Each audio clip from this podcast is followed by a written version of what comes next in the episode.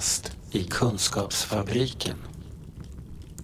Huvudsakligen är jag professor i psykiatri vid Umeå universitet Mm. och lärare för blivande läkare med flera vårdyrkeskategorier.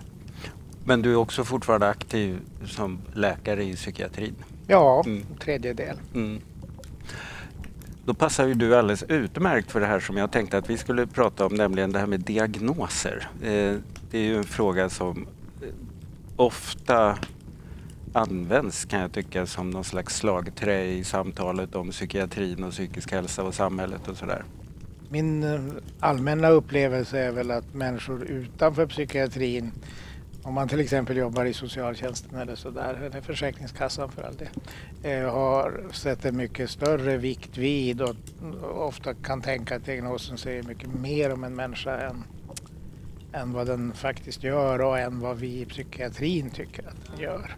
Så att diagnosen är ett arbetsredskap, Mm. en beskrivning för en sorts grovsortering. Men det finns ju många andra egenskaper eller sammanställningar av eller förhållanden för en människa som också är viktiga sorteringsprincipen. Om man är ung eller gammal, om man är man eller kvinna eller någonting annat. Eh, om man bor i stan eller på landet. Om man har genomfört grundskolan eller inte. Om man pratar svenska som modersmål eller inte. Det är ju också Ja, viktiga det. sorteringsprinciper som har betydelse för de åtgärder som man föreslår Ja, och för just hur man tolkar och förstår de problem som patienten Ja. har. Diagnosbeskriv- det behövs ju ingen diagnos om det inte är ett problem. Va?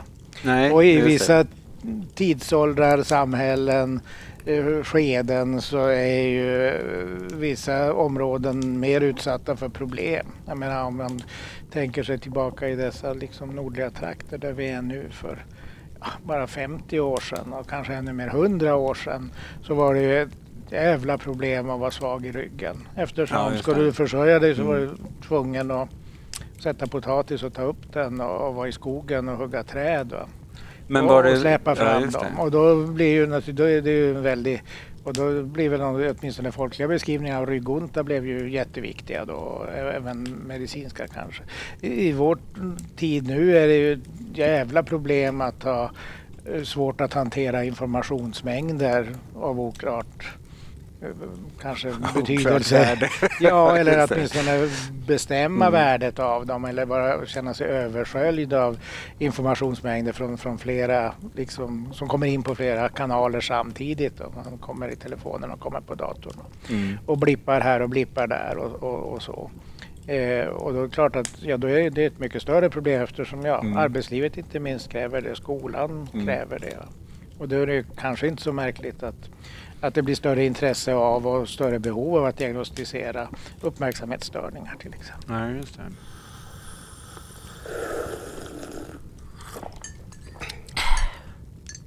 För många blir det dels en smärta när man får diagnos, att man kan uppleva det som att man får en stämpel. Men samtidigt så för många och, och samtidigt som det är en smärta så är det som att det också öppnas plötsligt massa nya dörrar för Mm. att man får en nyckel till att försöka förstå sig själv på ett annat sätt. Eh, Jag tycker ju i någon lite mer så här sociologisk eller socialantropologisk perspektiv är ju ADHD och ADD-diagnosen oerhört intressanta. För Mm. en så attraktiv diagnos har jag då aldrig upplevt under Så mitt långa psykiaterliv. Jag menar, vi har ju eh, hundratals vuxna idag som står i kö för att få bli neuropsykologiskt, neuropsykiatriskt Mm. utredda med frågeställningen ADHD och ADD. I med förhoppningen om att, ja, flera saker. Dels få en nyckel till varför gick det inte så bra i livet som hade väntat. Varför, Varför hade jag varför- svårt i skolan? Ja, varför hade jag svårt i Mm. skolan? Varför, varför fick jag dåliga betyg fast jag kände mig minst lika smart som de som fick jättebra betyg? Mm. Och varför är mina relationer så trassliga? Och varför bråkar jag så mycket med chefen? Eller varför bråkar chefen så mycket med mig? Och då får man, vill man ha en nyckel till det och får ju det ibland. Så att, Mm. eh, jag tror många tar med väldigt tacksamhet emot eh, just den diagnosen då, med, den, med den laddning den har. Då. Plus då möjligheten att få behandling i olika former. Mm. Kafferast i Kunskapsfabriken. Någorlunda modern diagnostik bygger ju ganska mycket på Linné. Mhm. Du vet Carl von. Mm. Mm. Han. Eh, Och han hade ju en ledande princip i sitt, eh, i sitt eh, enormt envetna. Det är möjligt att han kanske till och med skulle ha fått en diagnos om han hade blivit ordentligt utredd. Nåväl, men eh, envetna arbete. Och han tänkte sig ju att Guds ordning är systematisk. Mm. Det var ju liksom hans grund. Det, det finns en så att säga gudagiven eh, universell ordning för skapelsen. På något annat sätt kan det inte vara. Och det är upp till oss att knäcka den Ja, där. och han såg det nog som en personlig uppgift och hans lärjungar såg det som en personlig uppgift. Och många gör det än idag ju. Mm. Och det, han kom ju liksom långt med det, du vet det här med eh, blommor och så där, hans systematik väl utan att jag kan så mycket botanik men jag tror den är fortfarande ganska, ganska levande och sådär. Mm. Mm. Och han försökte ju systematisera sjukdomarna på samma sätt som, Aha. som eh, växterna och djuren och sådär. Och där har han inte varit lika Där framgångsrik. har väl inte liksom överlevt lika bra då, Nej. då ju, av, av flera olika skäl. Men eh, den tanken att det finns en gudagiven ordning som på något sätt är, är är stabil och ja, universell. Eh, den finns ju, lever ju i viss mån i diagnossystemen och framförallt väldigt levande tror jag i många människors medvetande att det borde vara så. Därför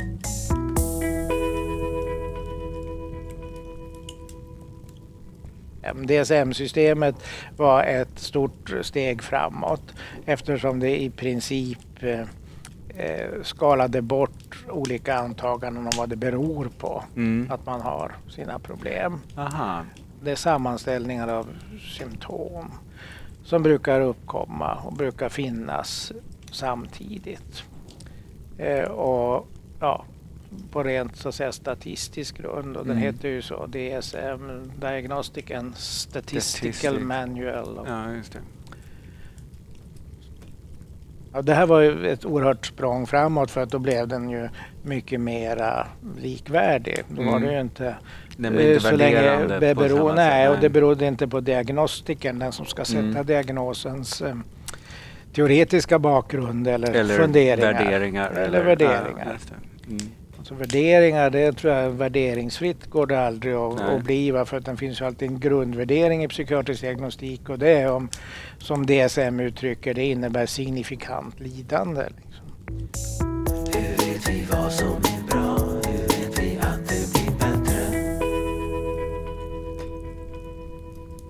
Finns det någon självklar koppling mellan diagnos och mer framgångsrika metoder att bota eller lindra? Ja, det gör det nog. Eh, vi i olika steg. Det första steget i och med att man får ett, med ett system som är mera uniformt, vill säga om du läser en studie från USA som handlar om personer med schizofreni.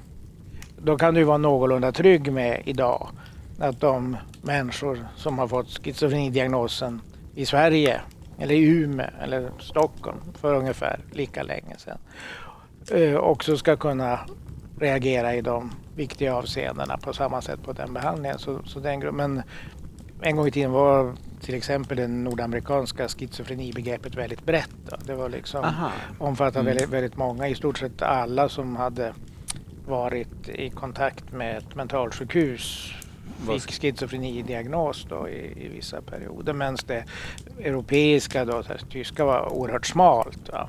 Så på det sättet så bidrar det till bättre behandling för att det är ju det Ja, det, just det, det. är ju en, en sak, om, om man liksom börjar uppfinna hjulet med varenda människa man träffar då kan man ju även om man jobbar väldigt flitigt i många år ändå det. inte komma upp i den, i den samfällda styrkan som tusentals utvärderade behandlingar innebär. När du definierar en ny diagnos eller en diagnos eh, så är det ju inte nödvändigtvis för att du har upptäckt någon särskilt sätt att bota den. Nej. Men i och med att du har ringat in det så får du en större möjlighet att hi- pröva och hitta rätt behandlingar. Ja, Mm. och det, finns, det, det kan man säga. Ja. Alltså, det finns ju en ständig strävan att göra diagnostiken mer specifik. Mm.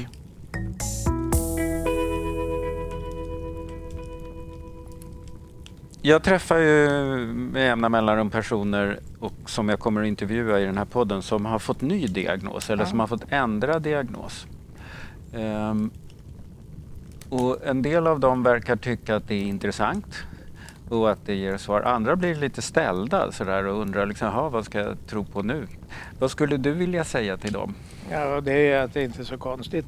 Eh, Och ta, steg ett, ta rätt på vad diagnosen innebär. Eh, Det bästa sättet är att fråga sin behandlare som har satt den, Mm. som förhoppningsvis har tillräcklig kunskap om det. Men sen är det ju ganska lätt att läsa sig till det på Mm. nätet också. Det är ju inga hemligheter. Då. Eh, och så mm, är det ju inte fel att ta ställning till det som står där. Stämmer det på mig? Och Mm. hur, kan man, hur kan man hävda det? Kan det stämma eller kan det inte? Så det kan ju vara en utgångspunkten för en ganska givande eh, diskussion. Då.